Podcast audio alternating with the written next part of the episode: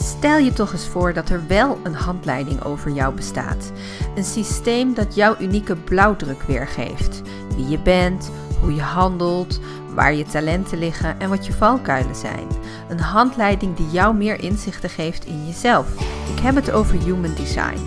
Mijn naam is Frauke van Overveld en ik ben een Manifesting Generator met emotionele autoriteit en een 3-5 profiel. Is dit nou abracadabra voor je? Verdiep je dan eerst zelf meer in de basis van Human Design. Door bij mij jouw persoonlijke Human Design e-book aan te vragen via www.spicypepper.nl. In deze podcast deel ik mijn inzichten, lessen en ervaringen van mijn eigen persoonlijke Human Design experiment. Veel luisterplezier! Welkom weer bij deze nieuwe aflevering van mijn podcast over Human Design. En je leert hier in mijn podcast geen algemene dingen over Human Design, maar vooral uh, gebaseerd op mijn persoonlijke ervaringen. En het kan natuurlijk zijn, hè, ik ben een manifesting generator met een emotionele autoriteit en een 3-5 profiel. Nou ja, misschien heb je. Um, ben je ook een manifesting generator? Of heb je ook de emotionele autoriteit? Of heb je ook een 3 of een 5 profiel? Of heb je iets anders wat ik ook heb? En dan kun je daar natuurlijk weer informatie uithalen voor jezelf. Uh, en mijn podcast, nou ja, deze heeft even op zich laten wachten. Ik ben niet consistent in het opnemen van mijn podcast. Expres niet, omdat ik deze podcastopnames heel erg wil doen op basis van mijn strategie en autoriteit. En dat betekent dat ik soms in mijn hoofd wel vind of wil dat ik een podcast opneem over een onderwerp, maar dat ik dan echt aan mijn lijf nog kan voelen: nee, hmm, niet vandaag, nee. Um, hè, dus ik probeer uh, zo goed als ik kan, heel goed te luisteren naar mijn um, nou ja, mijn strategie en mijn autoriteit. Nou, deze podcast gaat over de periode, dat was eind april, dat ik alleen op vakantie ben gegaan. En we gaan eigenlijk helemaal terug naar februari. Want ergens in februari voelde ik de hunkering om iets te bezoeken op het gebied van kunst en cultuur. Ik had al een paar dagen zin om bijvoorbeeld naar een groot museum of een bekend museum te gaan en een mooie stad te bezoeken. En met mijn verjaardag in aantocht, 24 april, bedacht ik me dat het misschien wel een mooi cadeau aan mezelf zou zijn als ik op mijn verjaardag of in de week van mijn verjaardag iets leuks zou ondernemen voor mezelf. Het bleef wel vaag en onbestemd, omdat ik natuurlijk mijn strategie en autoriteit het werk wilde laten doen. Um, en ik besloot het enthousiaste gevoel dat ik had, mijn verlangens, om iets rondom mijn verjaardag te doen en iets in de trant van kunst en cultuur uh, te delen met verschillende mensen. En nu, nu ik dit weer zo aan je vertel, kan ik me dat gevoel ook weer helemaal terughalen. Hè? Dat spannende buikgevoel. Ik startte met het delen van mijn idee met mijn man. En hij reageerde heel erg enthousiast, maar hij kwam zelf niet echt met suggesties waar ik dan weer op kon reageren. En um, intussen was ik zelf aan het zoeken geraakt naar hotels in Amsterdam zodat ik bijvoorbeeld twee of drie dagen Amsterdam zou kunnen doen. Hè, met een museumbezoek, misschien een concertbezoek in Paradiso bijvoorbeeld, wat winkelen.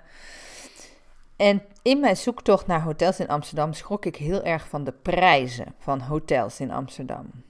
En er gebeurde eigenlijk iets merkwaardigs. Het haalde een ja, een not zelf kant omhoog rondom mijn money mindset. Terwijl mijn money mindset echt al heel veel shifts heeft meegemaakt. Hè?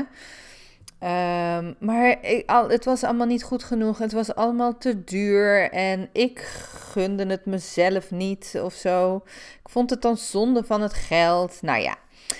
Uiteindelijk, uh, hè, om, om niet in de gedachten mee te gaan, Um, maar te kijken naar wat er nou eigenlijk gebeurde, vertelde het me dus eigenlijk vooral dat ik niet op het goede spoor zat. En het is eigenlijk super logisch, Want ik was eigenlijk vooral voor mezelf aan het initiëren. Het was iets wat ik zelf bedacht had met mijn hoofd.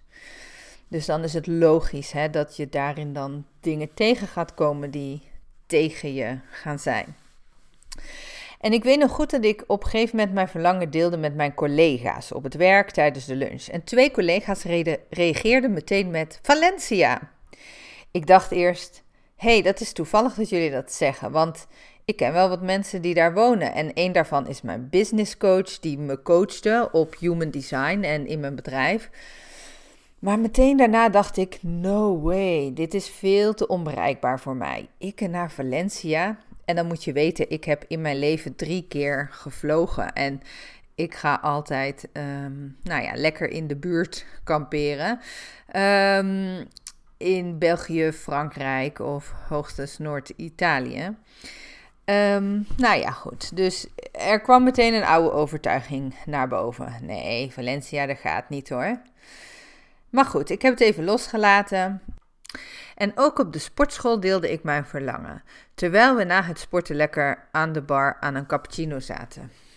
En weer zei iemand onmiddellijk: Valencia. En, en toen dacht ik: oké, dit kan geen toeval zijn. Hier mogen mijn strategie en autoriteit op gaan reageren.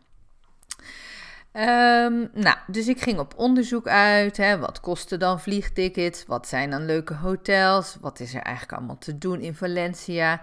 Ik bestelde een paar reisgidsjes tweedehands via Vinted. En ik vroeg op mijn stories uh, in Instagram om allerlei tips. Nou, uiteindelijk boekte ik dus een tripje naar Valencia voor mijzelf zeker vijf keer zo duur als mijn plan voor naar Amsterdam te gaan.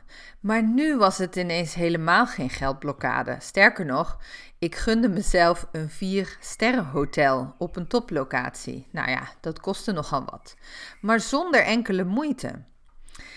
En deze reis heeft me heel veel geleerd over mijn eigen human design. En dat wil ik natuurlijk graag met je delen. Story of my life. Hè? Eerst dingen zelf ervaren en dan de lessen delen. En het zal geen verrassing voor je zijn dat ik dus het 3-5 profiel heb. En misschien ook nog wel even goed om met je te delen waarom ik besloot om alleen op reis te gaan. Nou, een tijd geleden vertelde Meerte in de podcast Wat ik vandaag weet, dat ze eerst is gaan werken aan de relatie met jezelf. En dat inspireerde mij. Jezelf de allerleukste op de wereld te vinden. Dat je bij wijze van spreken juist wel met jezelf zou willen trouwen. Dat je zelf de persoon bent met wie je het allerliefste samen bent. Nou ja, omdat er de afgelopen maanden veel is veranderd in de relatiedynamiek tussen mij en mijn man, hè, sprak mij dit enorm aan.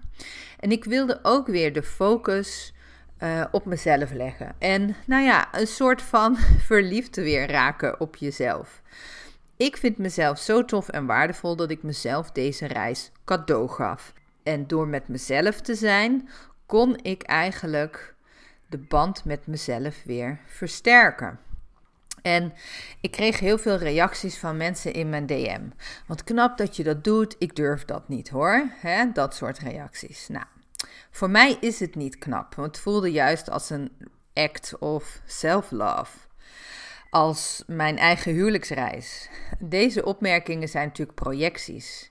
En ze zeggen natuurlijk ook vooral iets over de afzender en, nou ja, zijn of haar relatie met zichzelf.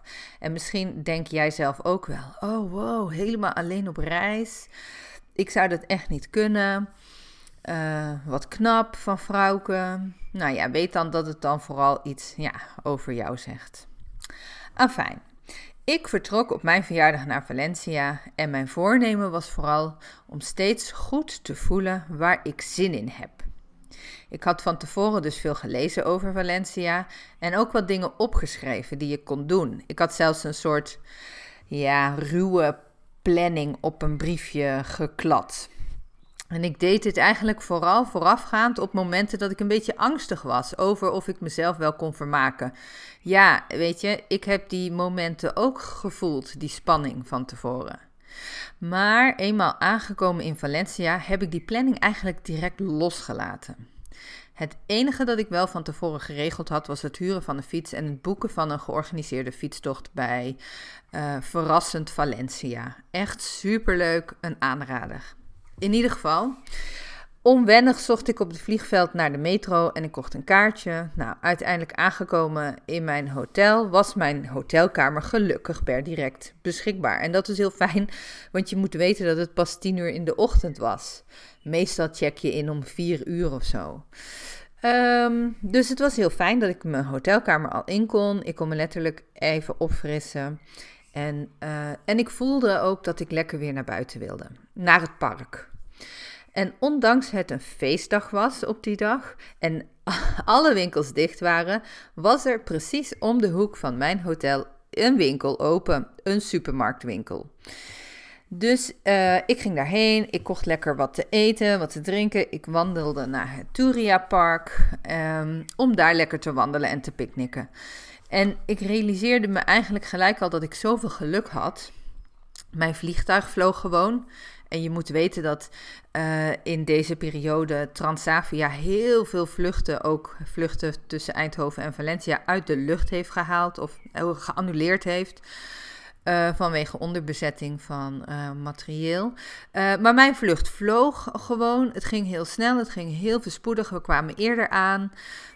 Ik kon dus ook al vroeg in mijn hotel. De enige winkel die open was, was om de hoek bij mijn hotel. Um, nou ja, dat was dus allemaal heel fijn. En toen ik lekker in het park zat, realiseerde ik mij dat het mijn verjaardag was. Ik was natuurlijk de hele ochtend zo in de ban van, nou ja, het vliegen, um, dat ik daar helemaal niet bij stil had gestaan. En het greep me ineens aan en ik merkte dat ik emotioneel raakte. Ik raakte in de war, omdat ik een conditionering tegenkwam bij mezelf dat je je verjaardag, dat, dat je verjaardag pas valide is als je het viert met andere mensen. De aandacht van anderen voor jouw verjaardag, zeg maar. Uh, ik had natuurlijk een schriftje meegenomen, dus ik schreef erover in mijn schriftje, ik reflecteerde erop. En het is mooi wat er gebeurt. Want ik heb vooral veel individuele poorten en kanalen in mijn design. En mijn Incarnation Cross is ook helemaal gericht op mezelf, voor mijzelf. Ik heb de Cross of the Unexpected. Dus ik mag openstaan voor onverwachte dingen. En um, in de basis is het, is het goed voor mij om me op mezelf te richten. En dat is ook waarom deze solo-trip zo goed afgaat.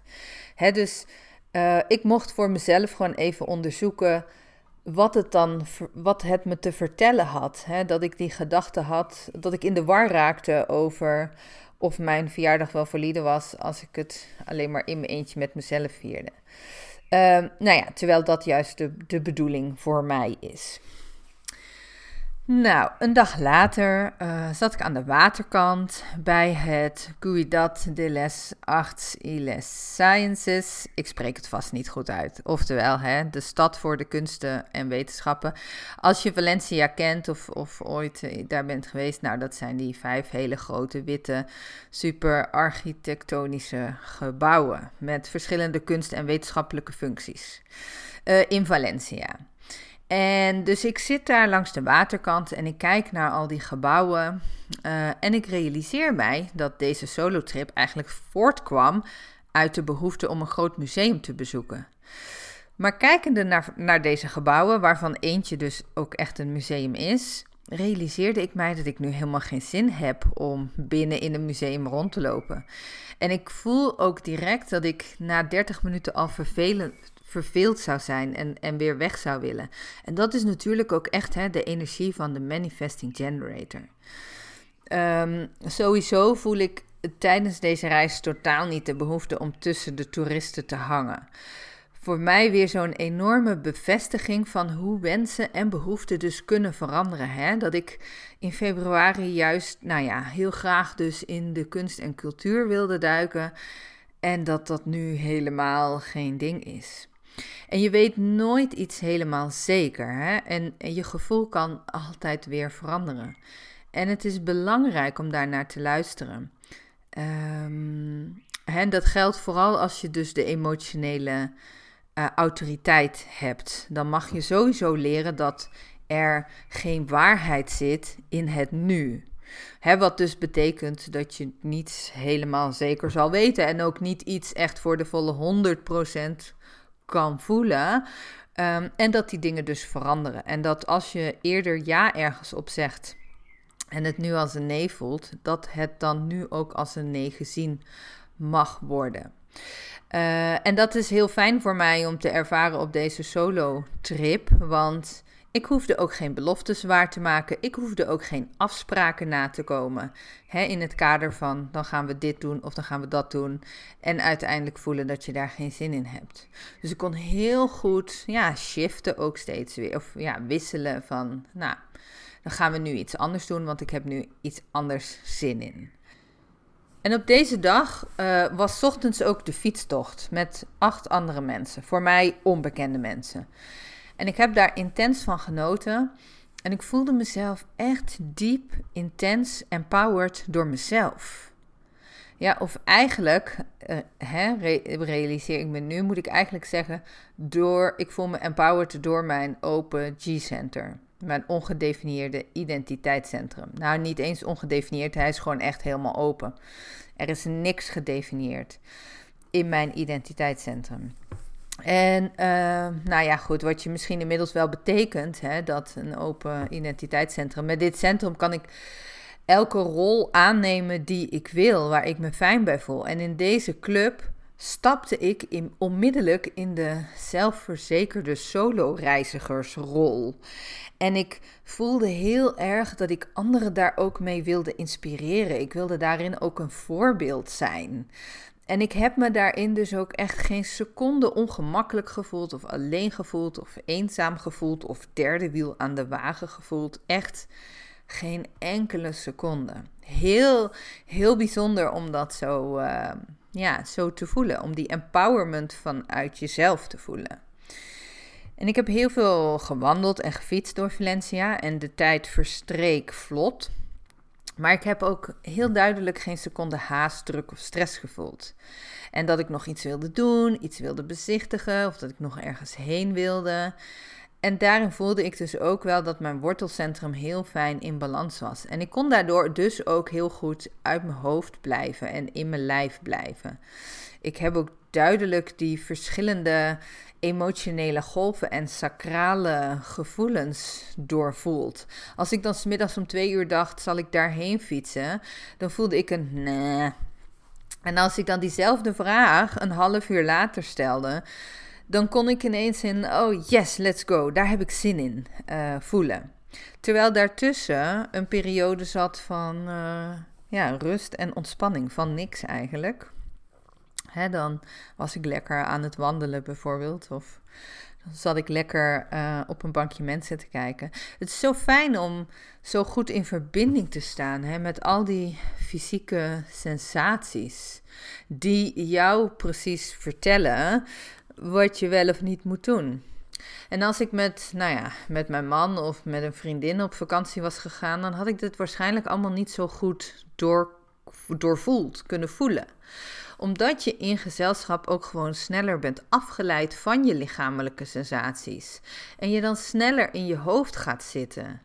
En ik zou dan meer dingen voor de ander invullen en daarop toeleggen. Dus hè, dan misschien wel al die kathedralen in het toeristische centrum bezoeken, omdat de ander dat ook leuk vindt. Hè, je gaat dan natuurlijk ook concessies doen. Um, dat is ook gewoon wat je doet in relaties natuurlijk. En soms moet je ook gewoon concessies doen. En het is goed om daar een balans in te vinden en daar een bewuste keuze in te maken. Maar ik vond het heel erg prettig om geen enkele concessie te hoeven doen. En um, nou ja, dat draagt ook gewoon wel weer bij aan de relatie die ik heb met mijzelf. Dat ik voor mezelf geen enkele concessie hoef te doen wanneer ik met mezelf ben. En ik heb ook nog een hele leuke proef gedaan met mezelf. Voor um, nou ja, iemand met een open G-center, open identiteitscentrum, is het heel belangrijk om te voelen of een plek juist aanvoelt voor je. Of nou je huis is, je werkplek, soms zelfs een stoel aan een tafel in een restaurant. Hè? Een, een hoekje kan heel onprettig voelen en het andere hoekje kan heel fijn voelen. Op welke plek op de bank wil ik bijvoorbeeld zitten? Hè? In, in, in welke ruimte in mijn huis wil ik nu zijn? Wat voelt fijn? Dat, dat iemand met een, met, met een open identiteitscentrum voor zo iemand is het heel belangrijk om op de goede plek te zijn. Nou, en ehm, ik deed dus een proef met voelen welke plekken in het Turia Park fijn voelen voor mij. Nou ja, dat park, hè, dat is een, een heel groot park wat 10 kilometer lang is, dwars door Valencia loopt. Ehm, en dit is echt een hele leuke proef om te doen. Ehm, soms ben ik op, op één stukje van het park uh, op drie verschillende plekken gaan zitten om daarna weer te verkassen, omdat het toch niet fijn voelde. I mean, who cares? Hè? En als iemand anders dat gek vindt, als iemand anders denkt, hey, die gaat elke keer ergens anders zitten, ja, so what? Ehm, dat is natuurlijk altijd weer projectie. Bewustwording van projecties van anderen, die mijn lijn 5 losmaakt, heeft me op dat niveau ook wel heel veel doen shiften. Dus ik heb, nou, ik had echt een paar favoriete plekjes in het park. En ik had ook plekjes die helemaal niet oké voor mij voelde. En um, wat de volgende dag eigenlijk ook nog zo was. Dus dat was echt een hele leuke proef met mezelf om te doen. En er wordt gezegd, hè, hoe dichter je bij je strategie en autoriteit blijft, hoe meer dingen je op je pad komen die bij je horen. Die je dichter bij je zielsmissie, je incarnation cross brengen. En dat is dan te merken aan je signature feeling hè, wat bij jouw energietype past. Nou, voor mij is dat satisfaction, tevredenheid. En man, oh man, ik heb zo vaak en zoveel tevredenheid gevoeld in Valencia. En wat ben ik ook op sommige momenten enorm verrast door hetgeen dat op mijn pad kwam in Valencia. Ik bedoel, de fietstocht. Maar ook het etentje wat ik met mijn business, met die, nou ja, oude business coach. Uh, ze is nu niet meer mijn business coach, maar ze nam me uit eten. Uh, naar een top-notch restaurant in de stijl van de Roaring Twenties. Het was echt fenomenaal en het eten was echt verrukkelijk.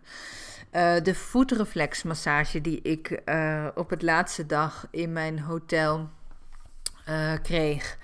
Nou ja, hè, ehm, ik ben gewoon enorm verrast. En, en, en ik denk dat ik zo verrast ben omdat ik zo dicht met mijn strategie en mijn autoriteit bij mezelf kon blijven en mijn signature feeling kon doorvoelen, waardoor ik dus ook dichter bij die, nou ja, die zielesmissie, die incarnation cross kwam. En ik zou je mijn solo trip naar Valencia kunnen aanraden, maar hey, ik ben ik en jij bent jij. En mijn pad is niet het jouwe. Maar ik kan je wel aanraden om met Human Design je eigen pad te gaan bewandelen. Want het leert je zoveel over jezelf. En het levert je vooral, nou ja, hè, afhankelijk van je energietype, tevredenheid op, succes op. Het levert je rust op en het levert je verrassing op. Dus leef, ja, Ga lekker aan de slag met je eigen human design. Ik wil je bedanken voor het luisteren en uh, tot de volgende keer weer. Doei doei!